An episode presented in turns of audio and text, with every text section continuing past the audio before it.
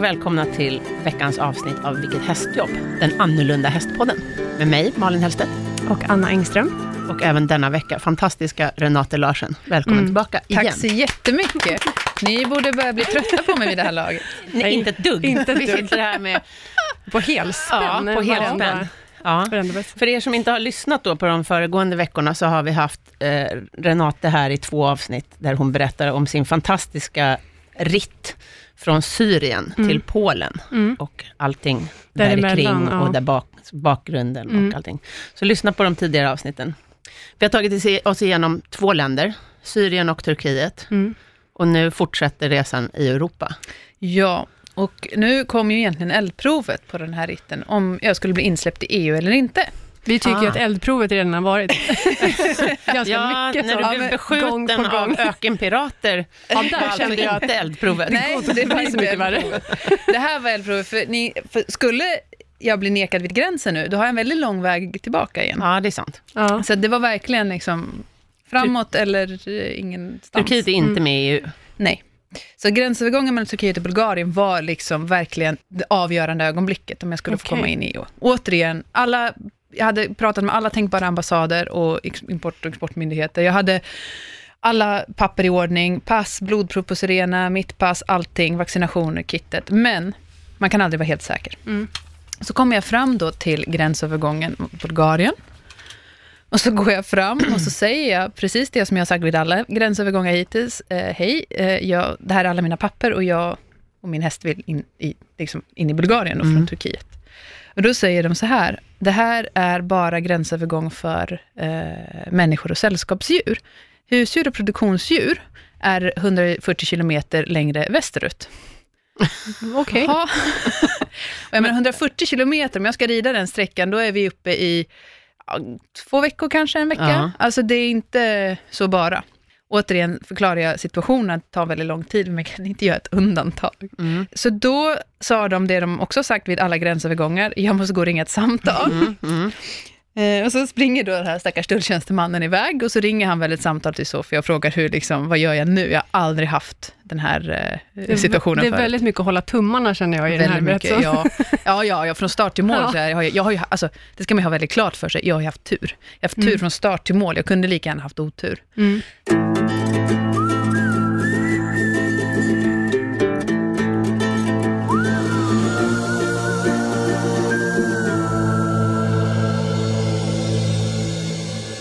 Under tiden medan vi väntar på beskedet, då vill ju alla de här tulltjänstemännen provrida. Va?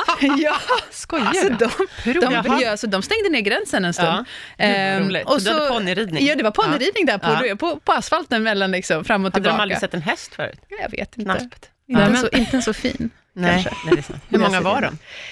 Fem, sex stycken i varje fall. Och ja. kvinnor i så här pennkjol och hej och hå. Liksom. Ja, det var verkligen... Du bjöd dem på en liten ritt. Ja, det är klart de fick. Och sen kommer han tillbaka med andan i halsen. Allt och så för att gå igenom. Ja, men precis. Jag var lite så.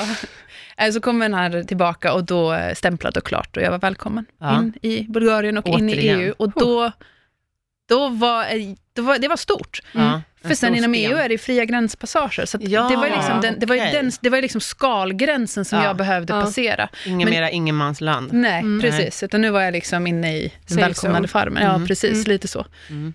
Och så är vi inne i Bulgarien och helt plötsligt så förändras landskapet så brutalt. För även Turkiet är ju väldigt torrt och kargt emellanåt, mm. även om det är mm. grönare än Syrien. Men här, Bulgarien, det var ju liksom, det var ju, det var ju midjehögt gräs.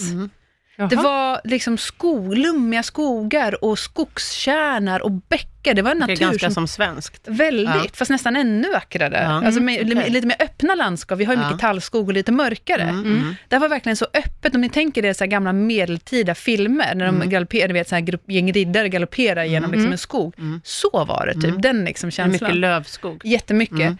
Otroligt vackert och varken jag eller Sirena hade ju sett något liknande.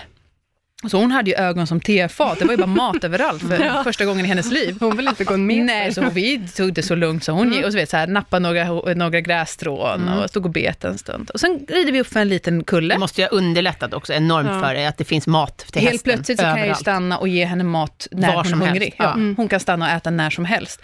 Det fanns skugga på ett mm. annat sätt. Mm. Så mycket mycket föll på plats när vi korsade den gränsen. Eh, Bulgarien är ett land som för mig är ganska okänt. Det var det för mig också. Mm. Eh, Jag kan varmt rekommendera. Jag kan rekommendera att resa till alla de här fantastiska länderna, för alla har varit så otroligt gästvänliga Mm. och hjälpsamma. Eh, Det vet jag, att- kommer jag ihåg från när du berättade det här för mig för flera år sedan, att i alla länder så varnade de dig för befolkningen i nästa land. Ja. Eller hur? Ska du till Turkiet? Nej, men det går inte, du vet, turkar de är inte araber, det går inte att lita på dem och det, de kommer råna dig och det kommer det ena med det Mycket andra. oj, oj, oj. Så här. Ja, mycket vojne vojne liksom. Ja. Det var inte bra. Krösa-Maja, det blir inte Ja. bra. Sen när jag kom till Turkiet så var alla fantastiskt trevliga, precis som Ja.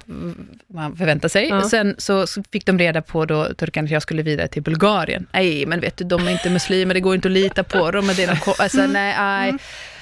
Ja, och så där höll det på. Bulgarerna sen, de bara, nej men ska du till Rumänien, de är ju katoliker, det vet man ju att de är det kan du inte lita på. Och så Ja. höll det på så där hela vägen, och tills liksom, till slut, liksom, polackerna bara, för Sverige? Kallt och jäkligt, ska du verkligen? Det finns en djupare lärdom i detta också, Ja. eh, med hur vi ser på våra eh, Grannländer, grannländer ja. helt enkelt, vilka fördomar vi har Mm. och hur ofta de kommer på skam, men också hur allmänmänskligt det är att ha fördomar om Ja. människor, Mm. utifrån sina Ja, liksom, för den ena befolkningen har varit vänligare, eller de har väl varit men lika precis. fantastiska Ja, allihopa, helt klart. Ja, ja absolut. Aldrig behövde jag liksom, att jag behövde ersätta människor på något sätt för Nej. liksom mat och husrum, utan alla erbjöd sig att hjälpa mig av sitt hjärtas godhet. Mm. Och det intressanta är att i alla de här personerna som jag mötte på vägen, som var så olika, på så Mm. många olika platser, alla, alla svarade med någon variant av, se bara till att göra något fint för någon annan någon Mm. gång. Mm. Det räcker för oss. Mm. Det har jag försökt ta med mig också Mm. I livet, att jag faktiskt är skyldig väldigt många tjänster. Mm. Det är väldigt, så behöver ni något är det bara av er. Jag är ett innestående. Eller så kan man säga att du sprider ju nu det här till Ja. väldigt många. Alltså jag är nu, är det, Det här är podd. din tjänst. äntligen Till kan jag exempel. liksom andas ut, nu har jag bockat av alla. Ja, eller hur? Ja. Så nu är det på tur att göra någonting fint för någon. Ja, precis, att ta över den här facklan. Ja, tänk om alla fler kunde, om vi kunde få lite spridning på det, det skulle Eller världen Ja. behöva. Mm. Faktiskt, verkligen. Var någonstans befinner vi oss? Mitten lite österut, lummiga bergsområdet där. Mm.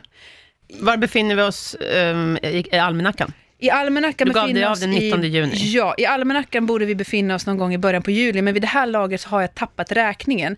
Okej. Däremot så vet Början, mitten kanske? För du har, måste ju ha varit iväg Ja. i tre, fy, tre veckor eller något. jag skulle tro det. Mm. Början, mitten av juli, Mm, något mm, där omkring mm. fyra veckor kanske. Mm. Eh, men vid det här laget, och det, jag förde ju dagbok under hela Mm. resan. Mm. Eh, men när jag går tillbaka och läser dagboksinslagen så förlorar jag faktiskt eh, datumräkningen, för jag Ja. har skrivit dag ett, dag två, inte datum.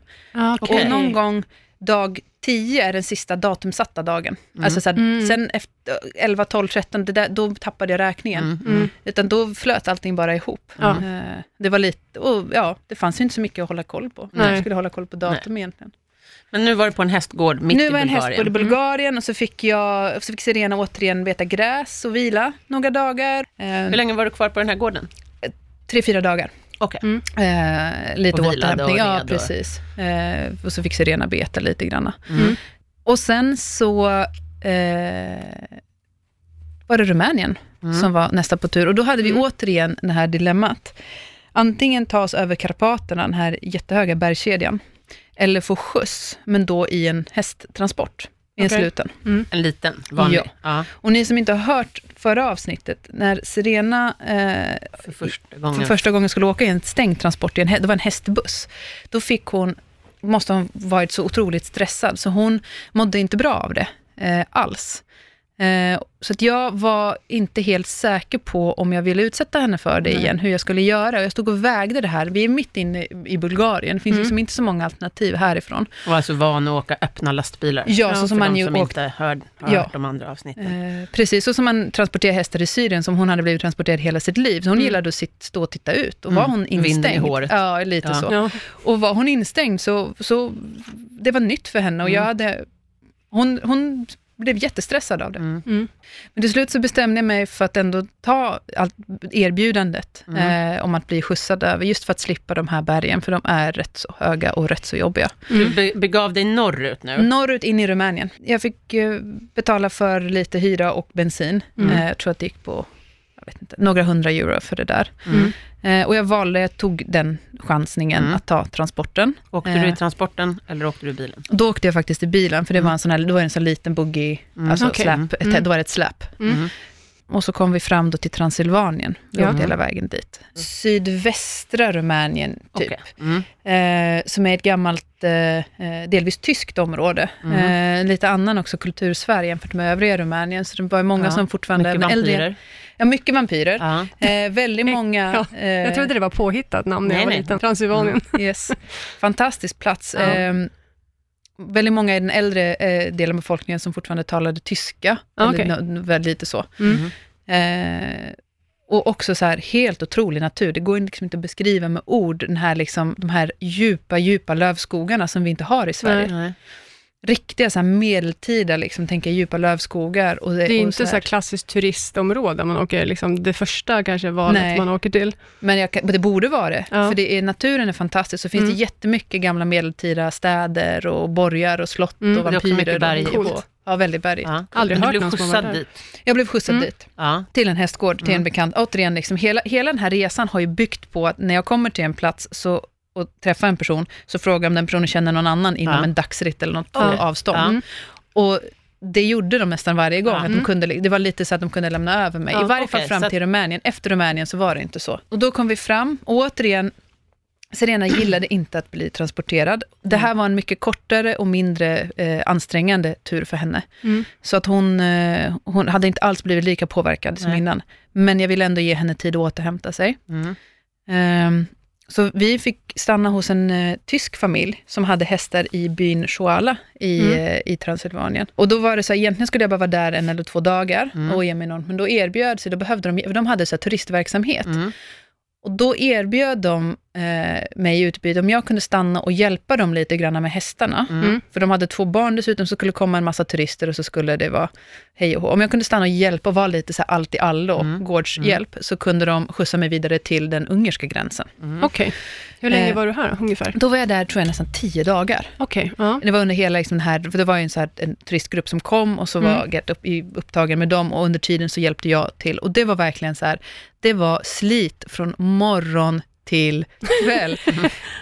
Hur ger det mig? Det var, och det var, liksom, det var grisar som skulle få det mockat och det var getter som skulle släppas in och ut och fram och så rymde de, så skulle de släppas in och ut igen.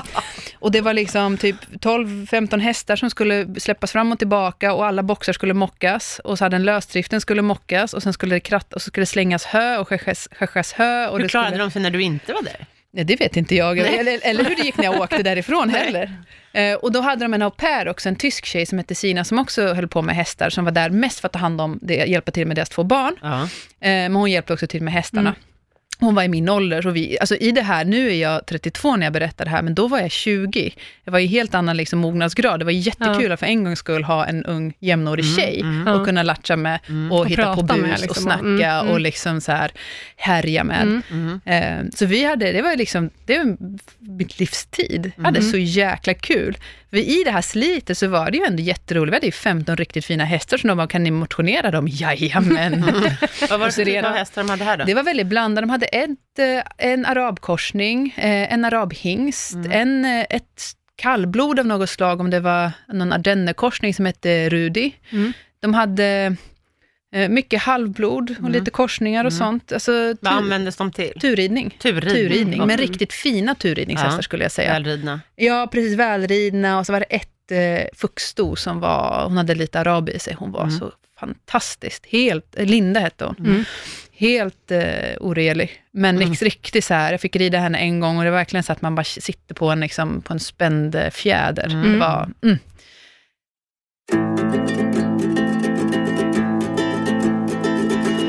Serena fick liksom vila och äta upp sig lite granna. Eh, de hade tillgång, nu börjar vi komma liksom in i Europa, så de hade tillgång till lite så avmaskningsmedel, lite Mm. sådana saker, elektrolyter, Mm. alltså en annan liksom, andra, helt andra liksom medicinska förutsättningar Mm. än det fanns i Syrien till exempel. Mm. Så att eh, eh, kunde se över henne lite granna. Eh, och fick gå runt och strosa lite på den här gården som hon ville. Alltså Mm. grejen med Serena är att hon tog rätt mycket ansvar.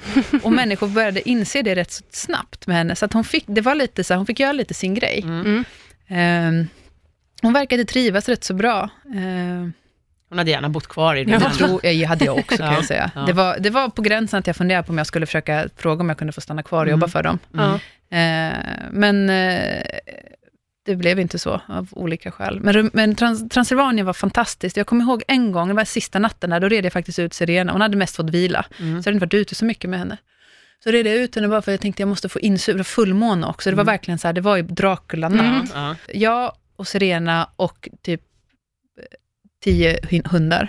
Okej. Eh, för de här, på den här gården, de har samlade hundar. Och jag Ja. tror att det var ofrivilligt. Jag tror det var så att det gick djungeltrumma, att här kan man få mat. Ja. Så att Ah, de okej. hade från början två Jack Russell-terrier. Och sen utökades då den här hundfamiljen med alla tänkbara liksom, blandraser Okej, så och hundarna kom dit? Ja, och blev kvar. Ja, ungefär som katter. Ungefär som, Ja, ungefär som vi. Vi Ja. kom dit och blev kvar.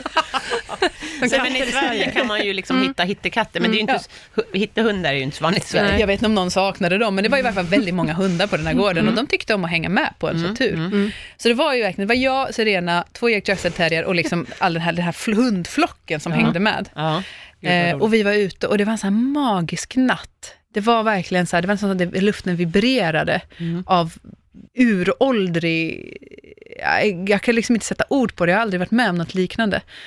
Eh, och det var fint att få uppleva det innan jag Mm. behövde lämna. Jag hade väldigt gärna varit kvar. Mm. Det finns, det, ja, det är någonting som drar mig till, tillbaka dit. Det Mm. var en fantastisk plats.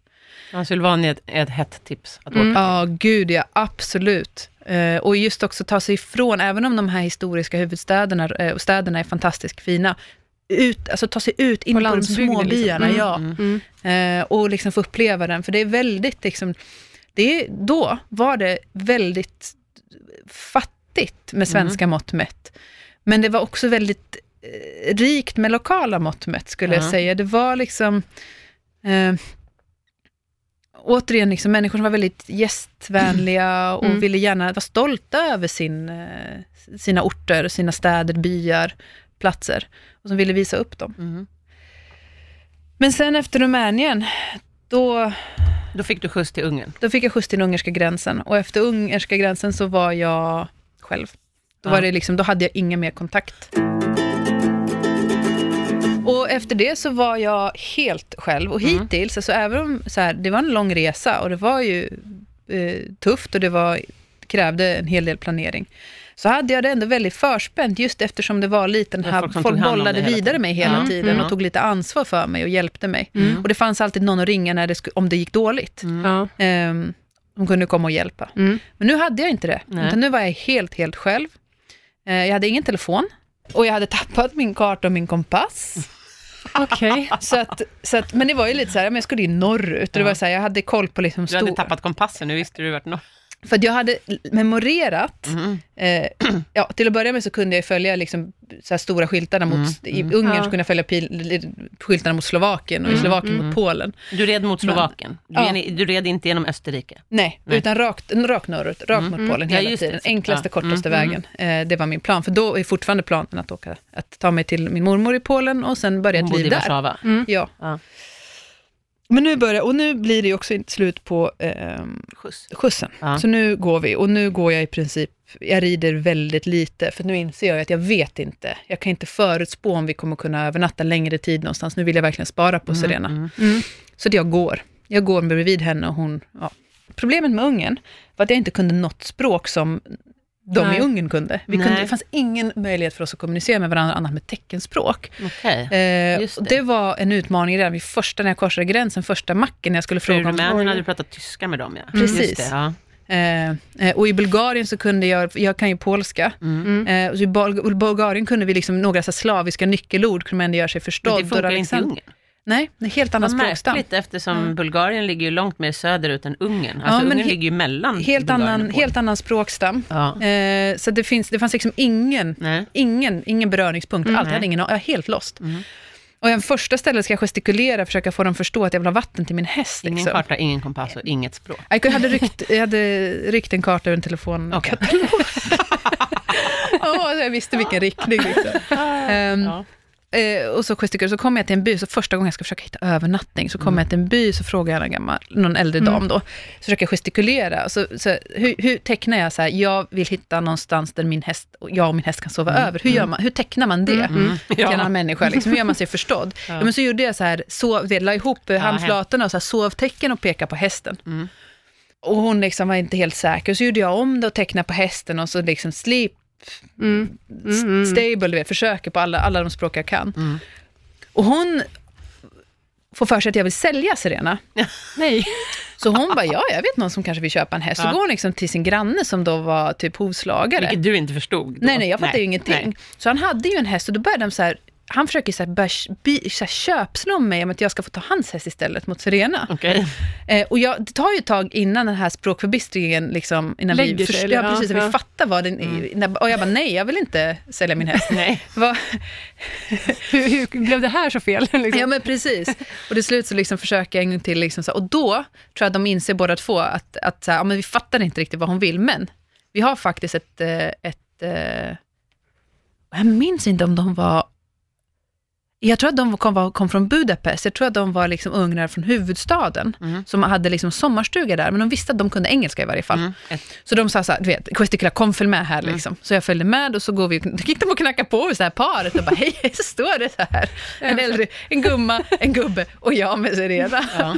Och så säger de någonting på ungerska till dem och de ser ju ut som frågetecken. Ja. Sen vänder de sig till mig och bara, "Ja, jaha, du behöver hjälp, säger de Ja. på engelska. Ja. Jag bara, ja, jag letar efter någonstans att att bo över natten, mm. där min häst kan bo också. Då visar det sig ju att deras sommarstuga också har stallar.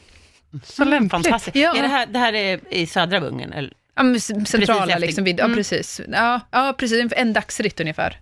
Från gränsen? Från gränsen, Ja. precis. Mm.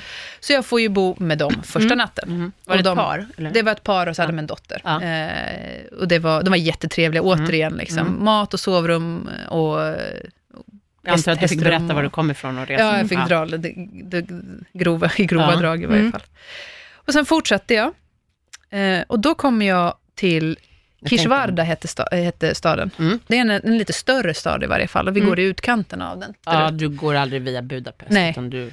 Eh, utan att försöka hålla mig lite på de Mm. mindre vägarna. Och så. Mm. så kommer jag till en lite större stad. Jag tänker, men här måste det gå att få tag på mat och husrum. Så kommer Mm. jag till en campingplats. Tänker, yes, det, Mm. kan inte, det här är perfekt. Det finns Mm. skugga, det finns träd, jag kan binda Mm. upp hästen, allt. Nej, tyvärr inga djur.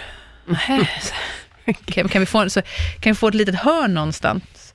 Eh, det behöver ju liksom inte vara så himla... Eh, Avancerat. Nej, exakt. Det behöver inte vara så himla avancerat, men det var tvär nej. Det var liksom by the book. Det fick, gick inte. Så vi går vidare och nu börjar det skymma. Nu börjar Mm. klockan bli närmare 8-9 och vi har fortfarande inte hittat någonstans att sova. Någonstans att vara. Och jag tänker, men jag menar, gräs finns ju överallt, så att vi kan ju gå in i skogen bara, men det känns otryggt. Det vore Mm. skönt. Och till slut jag bara går och går och till slut liksom är det så att man bara går för sakens skull. Och så ser jag liksom en, en Texaco-mack.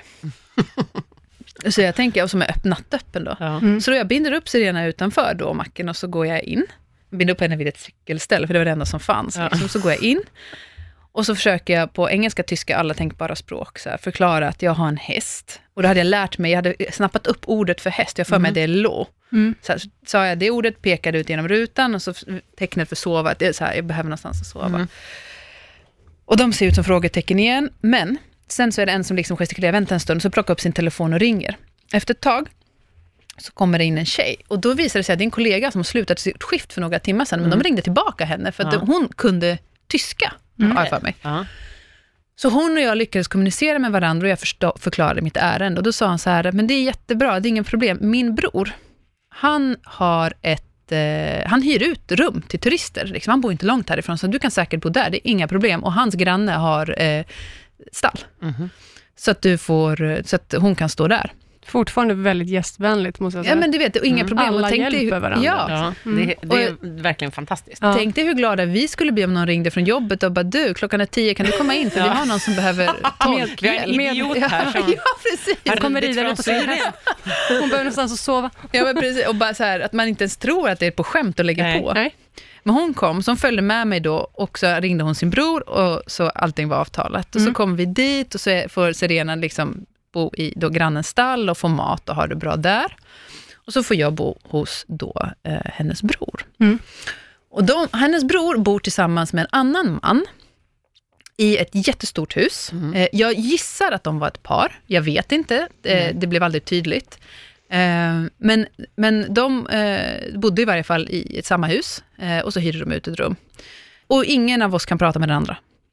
Särskilt väl i varje fall. Vi kan det. Men så att, så att vi pratar lite och jag lägger ner liksom mina sadelväskor på det här gästrummet och sen det, vinkar de så här, kom, kom, vi, åker, Ja. vi, vi sätter oss i bilen Ja. och åker någonstans. Och jag så här, ja okej, absolut. Så här. Mm. Eh, de betecknar sig, vi ska åka och köpa mat. Så okej, absolut. Så åker vi till en stor... eh, Två främmande män. Ja, men precis. Inget språk. Jag tänker så här, Ja. du, du har, under den här tiden när du bor hos främmande människor, du har aldrig, eller du, du har aldrig känt dig liksom rädd någon gång? Jo. Eller? Det har jag. Ja. Eh, jag hade ju med mig en kniv, en rätt stor. Eh, Ja. och den sov jag med. Även fast, jag tänker, jag även fast människor är väldigt gästvänliga, så... Alltså, det kan ju som- finnas en baktanke med gästvänligheten. ja. Exakt. Ja. Och det, framförallt när det är i de fall där, där det var liksom ensamma män. Mm. Det är lite fördomsfullt, men samtidigt också lite realistiskt, att det kanske är de som utgör det största hotet då. Ja. Så att, och det var några sådana situationer där jag sov med kniven, eh, i, in, ja, som en extra säkerhet. Liksom. Mm. Så hade den under, under och sov väldigt dåligt också, för Mm. jag vakade mest. Så det var några sådana, det var Mm. aldrig någon incident, men eh, de nätterna, men det Nej, men var liksom några så ja, här, ja. absolut. Mm. Nu åker vi iväg då till den här supermarknaden och handlar mat och sen sätter vi oss i bilen och jag tror att vi ska åka tillbaka till, I huset. Huset. Ja. men det gör vi inte, utan vi åker ut ur stan. Det här, är- då är klockan liksom halv midnatt, något Ja. sånt. Det är beckmörkt, det är på en främmande plats. Serena står gud vet var just nu. Du sitter i en bil med Jag sitter i en bil, män. jag har inte med mig kniven, jag har inte med mig någonting. Och vi åker ut ur stan. Och vi Då åker in du- i skogen. va- Ja. Ja. Vad och då- börjar du tänka då? Då börjar jag tänka att det här var ju inte så jag hade tänkt den här ritten skulle sluta. Nej. Jag är alltså på väg, och, vi vet, och så åker vi in i skogen på så här snåriga små vägar, och så kommer vi fram till ett övergivet industriområde, typ en gammal, Nej, men gammal eh, så här industribyggnad. Och där stannar de bilen. Jag bara, mm, okej, alltså, det- ja, man Vad hinner ju tänka. man? Ja, måste ha varit rätt, ganska rädd då. jag var ganska rädd, jag var ganska på spänn. Ja. Eh, och så, men grejen är, de ser svinglada ut. Ja. Så de kliver ut ur bilen och så vinkar de åt mig, kom, kom. Så att det är liksom deras beteende Stämmer inte stämmer inte överens med min Det var inte, hot, känsla. det var inte hotfullt, Nej. liksom, utan det var Nej, väldigt... precis. De var liksom väldigt, så här, nästan så här förväntansfulla. Ja. Exakt. Ja. Och jag är ju Kul. ingen val, liksom, så jag följer ju med. Så vinkar de, så här, vi ska gå in liksom, i det Du här kan ju liksom, inte direkt säga, sitta industriområdet. kvar i bilen. Nej, Nej, nej. Det, är precis, det är ju jätteudda. Ja. Och det hjälper ju inte den situationen heller, Nej, nej, det är så nej. att de vill göra något dumt. Det kan de göra i bilen också. Ja, Så jag följer det med kanske är ut, bättre att göra som de säger. Ja, och så går jag liksom några meter bakom dem och är så här, och jag, ja, jag har Mm. ingen aning om vad som väntar nu. Nej. Jag har inte den blekaste. Så går vi liksom runt hörnet, in liksom på innergården. Och där står en flock med får. Och i den här flocken med får så står det en häst. Och den här hästen är ett stort fuxsto som heter Bobo. Och då visar det sig att Bobo är vakthäst. Bobo vaktar den här fårflocken. Det här är Bobos flock, Okej. men det är deras får. Ja. Och de Det här- är... alltså, de här männens Ja, de här männens får. Ja. Så fattade jag det i Ja. varje fall, annars vet jag inte vad de gjorde där. Nej. Och de är rädda för Bobo. Så de undrar om jag kan hjälpa dem. Nej men gud. Herregud. Rent spontant känner jag så här, men gud, kunde de inte säga det bara? Så hade vi sluppit rädslan. språk. Men jag, först, ja, jag vet, men så här, man blir bara, men gud. Och, menar, och det, här är så, det här är så surrealistiskt, Ja. så det tar mig ju flera liksom, minuter att så här, smälta vad det är Ja. som egentligen sker. Och de är så här jätteglada och så här förväntansfulla. Och så Äntligen liksom- har vi hittat någon som ja, så, så pekar de så här. Hur "Ah, har Bobo okej." hamnat där? Det, Det, inte. det förtäljer inte historien, Nej. eller vad som hände med Bobo efter det här. Nej. Men där stod, Bobo var liksom så här, eh, välgödd på gränsen till fet. Liksom, så här, f- ja, liksom, hon levde med de här fåren och hade det rätt så gott. Och jag fick, alltså, en rätt trevlig häst. Liksom. Mm. Så jag går fram, eller? ja, lite tyngre, kallblodskorsning ska jag nästan säga. Ja. Alltså, eller om det kanske bara var att hon var fet, det Ja. såg Mm. ut så, liksom, att hon var lite grövre. Liksom. Um, fin bläs hade hon, kommer jag ihåg. I det här, liksom, halv, i det här dunklet så Mm. lyste den. Och så går jag fram till Bobo och klappar, och Bobo är jättetrevlig. Liksom. Hon var ju bara glad över att det kom sällskap för en gångs skull. Det var där med de här fåren hela Mm. tiden. Och så skulle de veta, och de ska gå fram och så ska de klappa Bobo och så är de så rädda, så går de liksom verkligen med handen i så avvärjande stoppposition framför sig. och så, och så, och så, så, för, och så ska de gå fram och klappa och så, här, så verkligen rycker sig sakta, så här stegvis framryckning till Bobo. Bobo, Ja. Bobo no, Bobo no. Så här, förebyggande, Bobo no. Så kommer fram och så klappar de, så går de undan igen. Ja. Så försökte jag visa, liksom, ni kan komma fram, Ja. klappa här, klia manken, liksom, Mm. så gott jag bara kunde. Sen åkte vi därifrån. Ja. Eh, och Du, vet Bobo inte vad liksom, kvar. du vet inte vad, vad Ja, poängen med hela det här Jag var? ingen som helst aning. Till idag, 12 år senare, så hemsöker det mig. Jag har ingen aning om vad som egentligen hände den natten. Nej. Nej. vad jag egentligen fick uppleva där. Och vad du åstadkom. ja, vad jag åstadkom. Ja.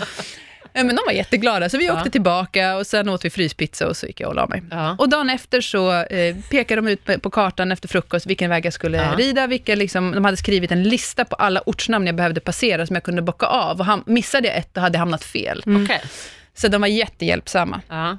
Så beger jag mig iväg mot en, och det var en dagsritt till slovakiska gränsen, lite Mm. mindre. Så att Ja. tanken var att jag skulle vara i Slovakien i slutet på dagen. Mm. Eh, och det är, så jätte, det, det är typ pusta, det är plant, det är bra, det är jättebra underlag, det Mm. är inte en enda berg i sikte, det är så skönt på alla tänkbara sätt och Mm. vis. Så jag och Serena liksom så här, bara gunga fram, Mm. ha det gött liksom. Ja men lite Nej. så här plan, alltså ehm, slätt. Typ. Okej. slätt. Mm. Mm. Eh, Ungerska pustan har man hört om, men det... Ja, men typ slätt, väldigt platt, Okej. Mm. eh, väldigt behagligt. Mm. Så vi liksom gungar fram och du vet, tycker livet är rätt så gött. Helt plötsligt så hör jag, efter några timmar då, så hör jag en bil som tutar på mig. Och då är det ju de här två trevliga killarna, såklart. Och då har de, då har de hittat en släpvagn någonstans, och Ja. inte en hästtransport, utan det är verkligen en släpvagn. Ja. Och då menar jag liksom, alltså så tänker Som man hyr på Statoil- Ja, ja. exakt så är det. Öppet med galler. Ja, galler för, öppet ovanför liksom. Och så är de jätteglada, de var alltid jätteglada de här två killarna, världens härligaste. Eh, och så har de liksom slängt dit två, två halmbalar där bak och så gestikulerar de, de bara, vi kan skjutsa dig. På den där. På den, ja men precis, på, och jag bara känner så här, vid det här laget är jag så liksom så här avmätt på känslor, för det händer så mycket tokigheter just Ja. nu. Så jag bara så här, ja, Serena får bestämma. Ja. Går hon på så går hon på. Jag tänker liksom så här, så att de öppnade, Ja. liksom fällde ner den där. Hon hade ju åkt sådana i Syrien liksom. Ja. Jag bara känner så här att Kliver de på, då, Ja. då kör vi. Ja, jag bara så här, jag bryr mig inte. Så här, du bestämmer nu, jag släpper det här. Ja. Så vi ställ, och jag var liksom noga med att inte liksom leda på henne heller, utan hon får bestämma det här Ja. helt själv. Så jag stod liksom, vi stod kanske två meter bort, och samma ögonblick de öppnade, hon bara smack, hoppa in, Ja. klart. Tog- Ja, precis. Hon bara insåg att gud vad skönt, då slipper jag gå. Ja. Så att vi liksom rullade fram i det 20 km i timmen på den där och hon stod och tittade ut och hade det så gött. Ja, jag stod bak med i henne liksom. ja, du satt på släpet Ja, också? jag satt på släpet. Var, jag hade armen över hennes manke och det Ja. var så harmoniskt så. Jag ser det framför Ja, mig. Nej, det men det var verkligen så här, och, och, du vet, och vi puttrar en liten skruttbil liksom. Vi puttrar Ja, ju verkligen ja. fram med så här 20 km i timmen så här. Put, put, put, put, put, put, put. det har sett så tokigt ut. Det låter som kalanka. Ja, men Ja. det var ungefär så det såg ut. Ja. Eh, här, vad heter det, långbens... Eh, ni vet den här hjul på Kalankans Ja, jul, ja, långben, Ja, Musse och. Kalle ska Med- på med camping. Eh, Men till slut, och det var liksom inte, handlade inte om många kilometer, men eh, så här, Men kanske ändå, fem, liksom. tio, Ja. något sånt. Så mm. var vi framme eh, och hoppade av och så tackade vi så Mm. jättemycket för hjälpen. De var jättegulliga.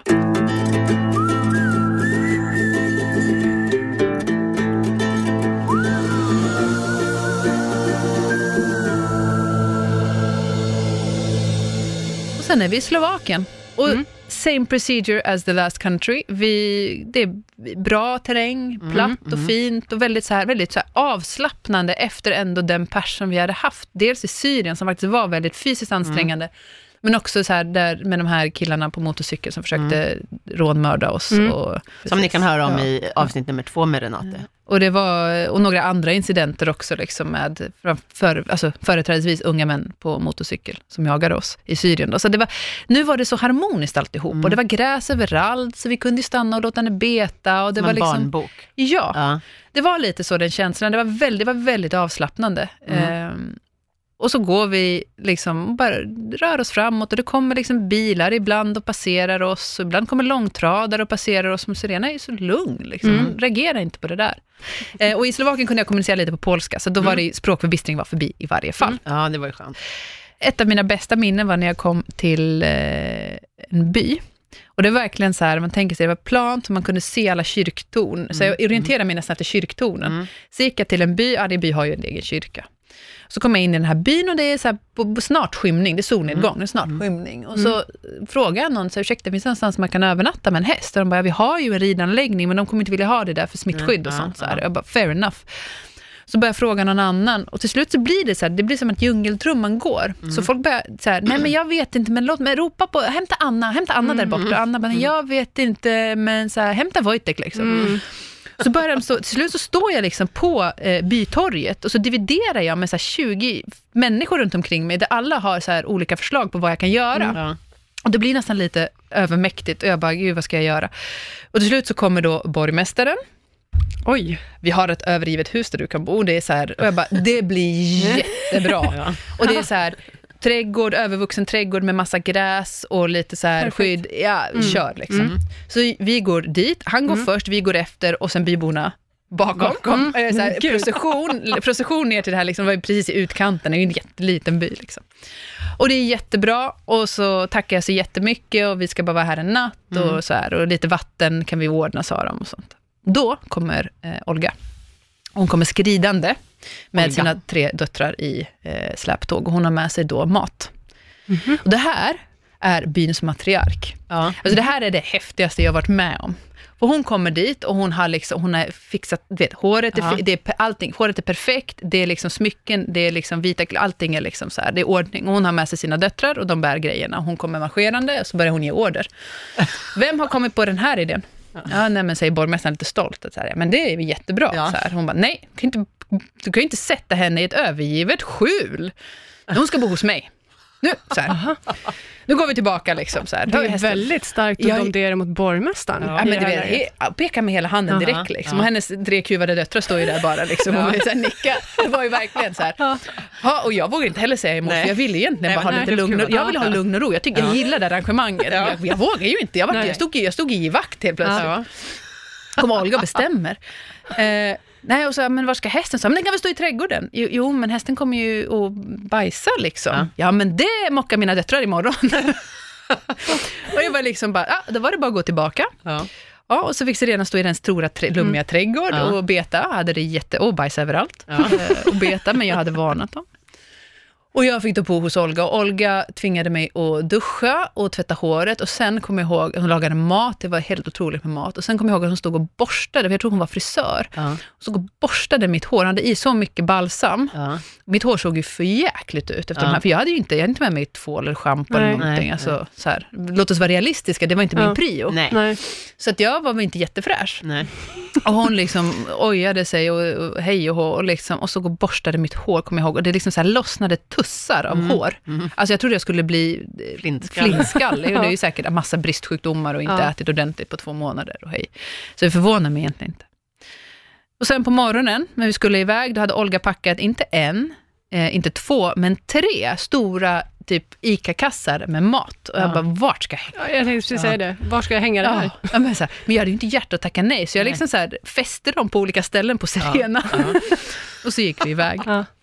Det är ju å andra sidan kanske trevligt att äta sig mätt efter. Ja, Ja. skapligt. Så jag hade Ja. ju mat i några dagar i varje Mm. fall. Eh, annars så var det ju så här, det fanns ju, det var ju liksom Centraleuropa, så det fanns Mm. ju att stanna på en Lidl, gå Mm. in och handla, Mm. liksom, det var inga problem. Gissa att maten från Olga var bättre. Ja, det var den, det var fantastisk. Ja. Eh, och sen eh, var det Polen, i princip närmare oss slutet, det var helt surrealistiskt. Och jag kommer ihåg, jag stod vid en sjö i Slovakien, eh, nära, det var bara några timmar från polska gränsen, om ens det. Stod jag, och så hade jag precis fått besked att jag hade blivit antagen till veterinärutbildningen i Sverige. Okej. Mhm. Och det var lite, det var jättekul, men det, eller jag, hade, jag var reservantagen, så var det. Mm. Men då behövde jag fatta ett beslut. Vill jag Mm. fortsätta till, Till Sverige, Sverige, och påbörja stanna? utbildningen, den här fantastiska chansen, det är inte en lätt utbildning att komma in på, eller vill jag stanna, som min ursprungliga plan var, hos min mormor och prova chansen att komma in Mm. där, I Warszawa. eh, i Warszawa. Mm. Eh, och jag malde där i mitt huvud hela vägen eh, fram till gränsen, och precis när vi skulle korsa gränsen, kom ett sånt jäkla oväder. Det var det värsta åskovädret jag varit med om. Mm. Och vi är uppe i bergen. Jag står uppe i bergen med en järnskodd häst. Ovädret är ovanför oss. Ja. Eh, så att, och det bara öser ner, så att vi hittar en liten busskur. Vi får gå tillbaka till en busskur vi såg tidigare på vägen och ställa oss där och bara vänta ut det här. Och jag kommer ihåg hur rädd... Det, inget av det jag hade upplevt dittills gjorde Nej. mig så rädd som det åskovädret. Okej. För jag hade ingenstans att ta vägen, det kom så plötsligt och blixtarna slog ner bredvid oss. Alltså det var Mm. Det liksom, var inga träd när... det var ju, mitt, det var ju trädbeklätt. Ja. Mm. Eh, okej. men vi var ändå väldigt Mm, högt upp. mm. Eh, och Serena var ju järnskodd, så jag tänkte liksom att det finns ju en risk att det leder ner. Ja. Fy attan vad rädd jag var då. Eh, och det höll på i kanske en kvart, 20. Där vi bara liksom stod, och det var första gången som Serena var rädd. Hon ryckte vid varje smäll. Ja. Det kommer jag ihåg, jag stod så nära henne i den här busskuren, Ja. med plåttak dessutom. Mm. Och det är första gången som jag känt av att hon faktiskt tycker, att no- alltså hon blir rädd Ja. för någonting. Så varje smäll så liksom ryckte hon till. Mm. Eh, Men sen eh, kom vi till slut till den polska gränsen. Då var det samma procedur där. Vart kommer ni ifrån? Ja, men, och jag tänkte inte ens säga Syrien, för jag tänkte det kommer de inte köpa. Jag sa Rumänien. Ja. Men du tackade nej till den här veterinärutbildningen i det här läget? Jag, inte jag hade inte Nej, bestämt har det bestämt det? Okej. Utan det som, det, när jag korsade gränsen Mm. till Polen, eh, då var det ju samma sak där. Vi tulltjänstemännen bara, ingen chans att du kommer från Rumänien, men häst, det orkar hon väl inte? Jag Du bara, mm, det var inte riktigt Jo, det gick bra. Så här. Hon, eh, hästar orkar. Nej, du vet, så det de var inte köpte där det. de tittade på henne och bara, ska du rida den där till Warszawa? Ja, ja, men precis. Ja, också så här, ska du verkligen ska du ta dig till häst i Warszawa? Jag bara, not a problem. Nej. Jag tror det går bra. You don't know my story. Lite så. Och så började, de, och så började så började folk prata och så Ja. slutade det med, det här var lite kul. Och så kom ju de andra, för det var ju två, två liksom öppningar. Mm. Så den andra tulltjänstemannen tyckte det var ju så spännande, det var ju en tjej med häst, han kom ju dit och började prata med oss. Ja. Så vi stod alla och pratade, under tiden så passerade ju bilar helt okontrollerat med, över gränsen. Och jag minns när, när liksom han vände sig om och bara, Smugglingen du vet, ökade med... nej, Vi springer i full fart Ja. för att stoppa liksom, och bilarna bara liksom, bara Ja. kör. Men så var vi inne i Polen eh, och då ringde jag faktiskt mormor. Och det var det som fällde mitt avgörande. Jag sa att hon fick bestämma. Mormor hade ju inte vetat vad jag höll på med. Nej, hon visste inte att du Hon var på väg nej. Lyckligt Nej, hon hade ingen aning. Jag hade skickat så här, vykort från alla ställen. Så här, Ja. nu är jag på Hon bara, semester i "Gud, vad Istanbul en trevligt." vecka. Så här. Ha det så Ja, trevligt. precis. Jävla resa du varit på. Gud vad du flänger. Så Ja. jag ringde mormor och sa att nu är det så här, för nu är jag, nu är jag i Polen, nu Ja. är det safe. Liksom. Så här, nu är jag i Polen, jag har gjort det här, men jag har fått ett, jag, min plan var att komma till dig, men jag har fått jag har blivit reservantagen till utbildningen i Sverige och jag vet inte vad jag ska göra. Nej. Och då sa hon så här, du ska, du ska satsa på den. Det, ta det säkra kortet. Du ska satsa på det. Det är en bättre utbildning än den i Polen, hävdade hon. Jag vet inte om det, man kan säga att det stämmer, men det var väldigt tydligt. Mm. Eh, Så då bestämde jag mig för att göra det. Mm. Och då hade jag ju nästa problem, och det var ju att jag behövde ta mig ytterligare tusen kilometer till, Mm. till Sverige. Och då sa jag faktiskt att nej, det kan inte jag ta till häst. Nu får jag liksom ta Mm. och Ja. köra henne sista Mm. biten. Ja. Hur långt Eh. hade du kommit nu? Hade du kommit fram till Warszawa? Nej, utan Nej. då var jag fortfarande, precis efter jag hade korsat gränsen. Så jag är Mm. fortfarande liksom långt ner. Precis efter jag hade korsat gränsen. Mm. Och då ehm, kontaktade min mormor faktiskt min mamma och tillsammans så bokade de en, så här, en hästtransportör, alltså en Mm. professionell liksom, hästtransportör som skulle komma och hämta oss i staden Dukla. Det var Mm. det som vi avtalade. Mm. Det var kanske två dagsritter bort. Ehm, och han, vi sa väl att han skulle komma om fem dagar, så vi hade lite marginal. Mm. Ehm, så det var verkligen så här, sluttampen, och det var också väldigt skönt, för jag Mm. var trött då. Ja. Det, Helt Eh, förståeligt. Och så här, Serena började få du vet, så här, lite, lite så här gallor på bakben. Liksom, så här, man märkte att det var, så här, det var, det var, det var bra nu. Mm. Du fick det, det var nog. Mm. Nu skulle vi vila. Liksom. Eh, och nu är vi då i eh, början på, mitten på augusti, början mitten på augusti. Mm. Mm. Eh, och så jag kommer ihåg så här, den här liksom känslan, allting bara släppte. Mm. Så här, okej, så här, nu, nu Det har jag en över. plan. Ja, det är över. Nu ja. har jag en plan. Nu vet jag vad jag ska göra. För Liksom. första gången på ett par månader har du en Ja, ja men lite kanske som, vi som har klarat oss. Ja, ja men precis. Det, är, det finns inte så mycket som kan hända nu. Nej. Eller, Nej. Det gör det ju alltid, men liksom, nu har vi, vi har klarat det här. Mm. Eh, Serena mår bra, jag mår bra. Jag kommit, kanske kommit in på veterinärutbildningen och var Mm. reservantagen. Jag hade liksom en plan framåt. Jag menar återigen, så här, nu säger jag det här som 32-åring, men då var jag 20. Mm. Det, var rätt, det var en rätt stor grej. Mm. Eh, och just den här, liksom, vet, alltså så här, man är väldigt, väldigt liksom riktningslös Mm. i den åldern. Eller Mm, jag var det. Jag, mm. det var Jag är det det- fortfarande. Mm. Ja, Jag är 45. ja precis. Ja, men så här, det, var, för det, var, det, var, det var väldigt stort för mig då i varje fall att känna att nu har jag liksom en plan framåt, Mm. kan göra Mm. någonting klokt med mitt Mm. liv. Ehm, och så var jag på väg ner, det var en lång, lång nedförsbacke, det var ju precis vid gränsen, det är bilväg, så vi Mm. går ju liksom, det var ju det var inte så många alternativ just då, vi skulle ändå till Dukla som låg längs med Mm, den här mm. vägen. Så det är en lång, lång nedförsbacke eh, från då eh, gränsövergången. Precis efter vi hade korsat gränsen så hade jag köpt en kaffe på en liten restaurang där och så Mm. hade Serena fått lite vatten och lite sånt. Och då hade det kommit fram en eh, kvinna, jättevacker. Åh, så vacker hon var. Och så liksom eh, fixad och liksom Mm. elegant. Och så hade hon sagt att ja, min dotter rider. Hon kom från Katowice, en, annan, en stad i Polen. Och sa, min dotter rider och jag, jag tycker så mycket om hästar. Ska jag få klappa henne? Jag bara, ja. Så här, Hon blev jätteglad. Så hon stod och klappade Serena och så sa hon, prata med henne. Jag kommer ihåg hon sa, du är så vacker, du är så fin. Så hon pratade liksom med Ja. Serena. Och sen sa hon, kan inte jag få fråga om de har några sockerbitar som jag kan ge henne? Jag bara, absolut, det går så bra så. Mm. Och så gick hon in och frågade på den här restaurangen och då hade de inte sockerbitar. Och hon var så arg, hon var så ledsen, hon var så upprörd över detta. Och jag sa att det är lugnt, liksom, så Serena visste ju, hon vet ju inte vad hon går miste om. Nej. Nej. Och sen skildes vi åt. Och sen är det då ehm, dagen efter, för de var på väg in i Slovakien, de skulle in och shoppa där då. Jaha, de skulle här- söderut. Precis, de skulle Mm. söderut, så vi motsatt riktning. Så här är liksom dagen efter, så är jag på väg den här långa nedförsbacken. Liksom. Mm. Och så kommer en bil susandes och så drar den in till, eh, och jag, jag har ett sånt minnesbild av just den här scenen. Bilen stannar vid vägrenen i slutet på backen, sätter Mm. på varningsblinkers. Och jag tänker, vad nu? Och ur den här bilen så kliver den här kvinnan. Nej. Och hon springer mot oss i högklackat upp Ja. och du vet, och sjalen i, liksom bara viner i luften och liksom så här, armbanden klirrar och hon springer och upp, och det är lång uppförsbacke. Ja. Ja. Alltså hon springer ju säkert i 100 meter i Mm. högklackat. Och springer och springer i full fart. Återigen en oerhört surrealistisk Ja. Helt otroligt. vy.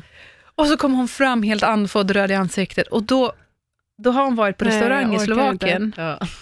Och där hade de hjärtformade sockerbitar. Då hade hon faktiskt tagit med sig en handfull ifall hon skulle stöta Nej, på alltså, jag sig igen. inte. Det är helt fantastiskt. Så hon hade, alltså, och så hon, fårig. hennes kar fick ju liksom Ja, hjärt i jag är hon, helt... eh, hon skrek ju till sin kar säkert, stanna bilen! Ja. Hon springer och så har hon då liksom här hjärt, jag kommer ihåg de var hjärtformade, Ja. just här sockerbitar, så hon, kan inte jag få ge henne? Ja. Bara, det går, så- ja det får du. Ja. Det är, ett, det, och det är ett av mina finaste minnen från den här resan, just det här, liksom, den här kvinnan som är Ja. så elegant, så, perf, så perfekt. Ja. Mm. När hon bara springer i full fart i all den här ovärld, i, liksom, ja. Ja. i en uppförsbacke längs med motorväg och bara, jag har sockerbitar till din häst. Men sån var. Serena, hon, hon, eh, hon fångade hjärtan. Hon Ja. gjorde det. Hon fångade en annan, eh, ett annat hjärta i Polen också. Det var natten efter det, när vi skulle hit någonstans och övernatta. Och Då gick jag också och frågade runt och så var det en äldre herre som kom fram som hade hört mig fråga några ungdomar, som sa att jag har en trädgård och gästrum Mm. om du vill övernatta hos mig. Jag kände en doft av alkohol och det var tidigt på dagen. Så det var så att jag reagerade lite på det här. Och så vet jag att jag frågade de här ungdomarna, vet ni vem han är? Är det här safe? De bara, ja, det är ingen fara alls. Han är bara en trevlig herre. Liksom. Mm. Och han bodde lite utanför den här byn och det visade sig att hans fru var borta och han bodde ensam. Och det visade sig att han var gammal Att hon hade kavallerist. dött eller att hon var bortrest. Dött förstod jag det Ja, som. ja. Eh, han var väldigt ensam i varje Mm. fall. Och Han bodde liksom i utkanten, väldigt lummigt med en trädgård där Serena fick gå och beta. Eh, och han var gammal kavallerist och tyckte väldigt mycket om hästar. Så vi pratade lite grann, det var väldigt trevligt. Och sen gick jag och la mig och Serena fick då beta i, Mm. i trädgården. Mm. Och jag vet, för att jag var uppe tror jag, jag vaknade till och kollade, jag vet att han satt och tittade på henne nästan hela natten. Han satt med liksom ett, ett glas och Mm. en tror jag, cigarett. Mm. Han satt ute på verandan och höll henne sällskap nästan hela Mm. natten. Satt och vaktade och tittade på honom. Ja, och han frågade faktiskt, han, han, det är nästan jobbigt att prata om det, för han började gråta. Dagen, på morgonen när vi skulle iväg, Mm. så började han gråta och så sa han så här, kan du inte lämna kvar henne? För jag har ingenting och jag tycker så mycket om henne. Mm. Åh gud. Ja, jag vet. Och, jag, och självklart kan inte jag lämna Serena där, jag tycker också om henne. Ja. Hon är också allt jag Ja. har. Ja. Men det var, det, Ett starkt det ögonblick. var ett oerhört Ja. starkt ögonblick. Och just liksom så här, det satte på något sätt fingret på hur mycket den här hästen berörde människor. Mm. Mm. Mm. Hur mycket hon, hon liksom, bara på en natt av att stå och beta i någons trädgård, Mm. så var det som att någonting i henne tilltalade även honom. Mm. Men sen sista anhalten då, det var Dukla, och då var det bara att hitta någonstans där vi kunde bo några dagar i väntan på att hästtransportören kommer. Mm. Och det var verkligen sista grejen. Och Dukla visade sig vara helt omöjligt att hitta någonting i, för det var en större stad. Och då var det inte lika nej. mycket gårdar. Nej, och, och Så vi går runt. och så kanske då- mer distanserade människor ja, också. mm, precis. Så vi går runt, så går jag in på ett apotek och frågar, är det någon som vet någonstans man kan övernatta med en häst Mm. två nätter, något sånt, förklara lite. Nej, tyvärr, nej, tyvärr. Hela tiden, nej, tyvärr, nej, tyvärr. Och Väldigt till- intressant att ju större stad, Ja. desto svårare är det Ja. att komma in Få på hjälp. folk. Ja. ja, men precis. Det Mm. blir ju mindre, jag tror att det blir så här, dels är det jobbigare för människor att kanske behöva erbjuda hjälpen, för Ja. det är längre till närmsta gård. Det är inte bara, Mm. ja men ställ in den i skjulet. Mm, Alltså, precis. Den finns liksom... Men sen har man ju också... Distansen också. Ja, Mm. stadsmänniskor har ju den distans. Eh, Så jag går runt och jag, alltså, jag letar verkligen i kanske en timme, två timmar, frågar folk och ingen, liksom, frågar poli- ingen, ingen, ingen. Till slut så börjar jag känna så att, nej men då får vi väl sova ute, liksom. vad ska jag Mm. göra? Så jag eh, börjar gå ut ur stan och så hör jag hur någon eh, eh, ropar på mig. Och då är det kvinnan från apoteket. Mhm. Och så springer hon fram och bara, har du hittat någonstans? Jag bara, Mm. nej. Så han, vi har ju en ko. En ko. Mhm. Ja, vi har en ko i en lada utanför. Och jag kom på, jag sa nej och sen tänkte jag, varför sa jag nej för? Det är ju inte liksom, det är inte kristet. De är, ju- polacker är Mm, väldigt mm. kristna. Ja. Det är inte kristet, man kan inte bara skicka Mm. iväg någon som behöver hjälp. Det är klart du kan få, om det är okej för henne Mm. att stå med en ko så, Mm. så är det säkert okej för, hon hette Bönan.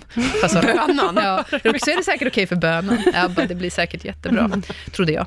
Eh, så vi gick då till eh, deras lilla gård. Eh, och det var också så här, det var lite i utkanten, det var ju liksom, det var, det var, det var välskött men inte lyxigt, Mm. som det kan vara liksom på landsbygden eh, i de länderna.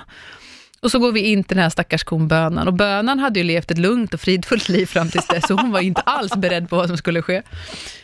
Så att, det var, och det var, det var ju så spiltor, hon stod i spilta liksom. Så hade de en spilta till, för de hade väl haft en annan ko tidigare. Ja, vilken chock. Ja, precis. Så där går jag ju in med, och Serena också, hon bara, gud vad ko. Och då slog det mig, då slog det mig att Serena aldrig har haft kontakt med kor förut, så det här var ju Nej. första gången för henne. Ja. Så jag har en sån här, återigen, så här, en, en, bild som de tog, för min kamera var ju trasig, men där, man, där jag liksom har lett in Serena i spiltan bredvid, Mm. och så står hon och bönan och bara strängglor på varandra. Det är verkligen så här. Över, det, var ju lite, var ju liksom en avdelare Ja. med de här spiltorna. Det är inte så mycket plats, men Mm. det var ändå så här, bönan var nog glad när vi Mm. till slut åkte. Och till slut så kom ju då eh, den här transportören och hämtade oss, så det var ju en lång resa då. Det var, det, och jag var orolig för den för Serenas skull. Det var en lång resa, för det var en etapp upp till norra Polen, övernatta, sen färja och sen Mm. från södra Sverige upp till Stockholm. Mm. Och jag visste att det skulle vara tufft eftersom hon inte tyckte om Mm. att resa i slutna transporter och det var det också. Det var väldigt, väldigt, väldigt tufft och återigen så tappade hon väldigt mycket vikt, precis som i Turkiet den där gången. Eh, och efter två månader då på resande fot så eh, landade vi i Tyresö, mellanlandade vi i Tyresö och sen så blev det i Uppsala eftersom jag faktiskt blev antagen till veterinärutbildningen. Men eh, rätt snabbt efter bra svensk veterinärvård och bra svensk mat och gräs så återhämtade sig Serena. Eh, och eh, efter det så hade hon inga mer besvär utan hon mådde superbra. Eh, och i Uppsala så fick hon träffa sin pojkvän, Dundee. Mm. Mhm. Dundee var en kallblodskorsning, den mysigaste, snällaste, finaste häst man kan tänka sig. Mm. Och han var verkligen så här, hon var, hon var liksom ett litet sto, Mm. arab, Ja.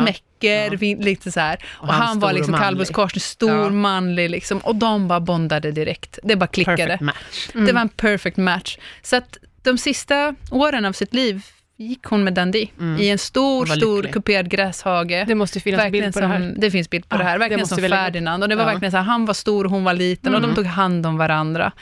Eh, och jag är så glad att trots alla liksom, eh, omständigheter och Vedermödor. vedermödor och besvär och risker, så jag är så otroligt glad att jag kunde ge henne de här sista åren, i en, liksom, utan att vara hungrig, utan att vara törstig, Mm. utan, att, Mm. utan att vara uppbunden vid en vägg, utan bara Nej. hon kunde röra sig i en stor kuperad gräshage tillsammans med sin bästa vän.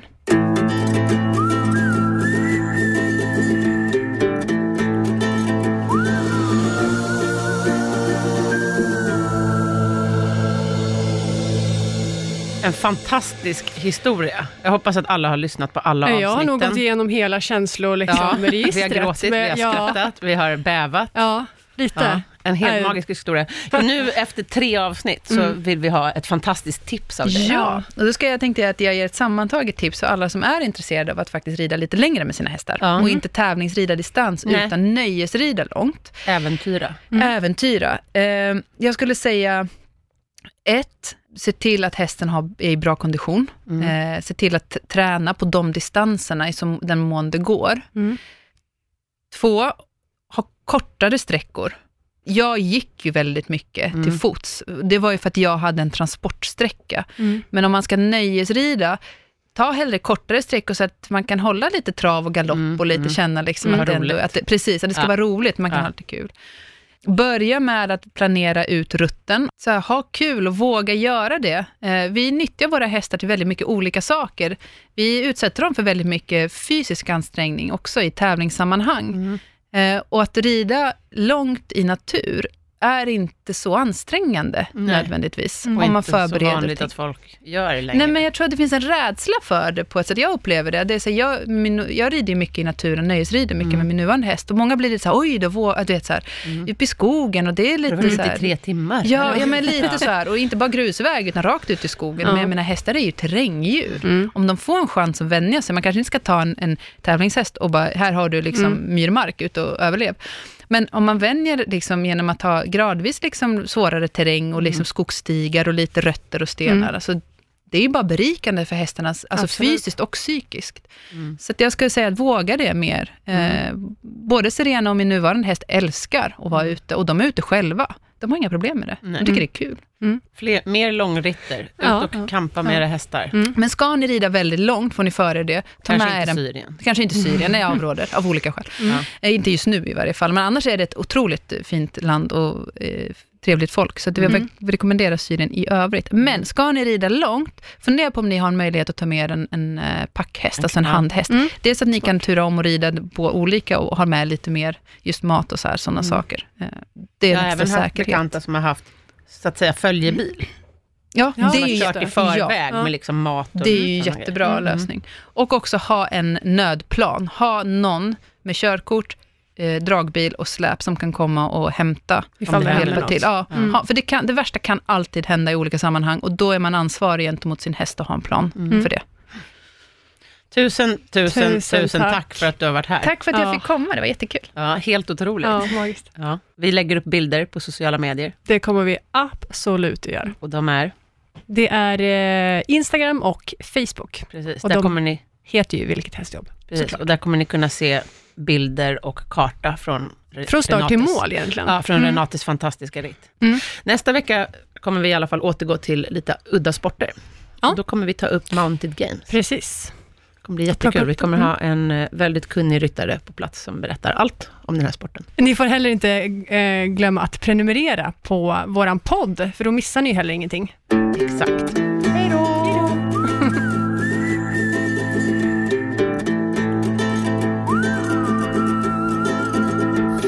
Produceras av I Like Radio. I like radio.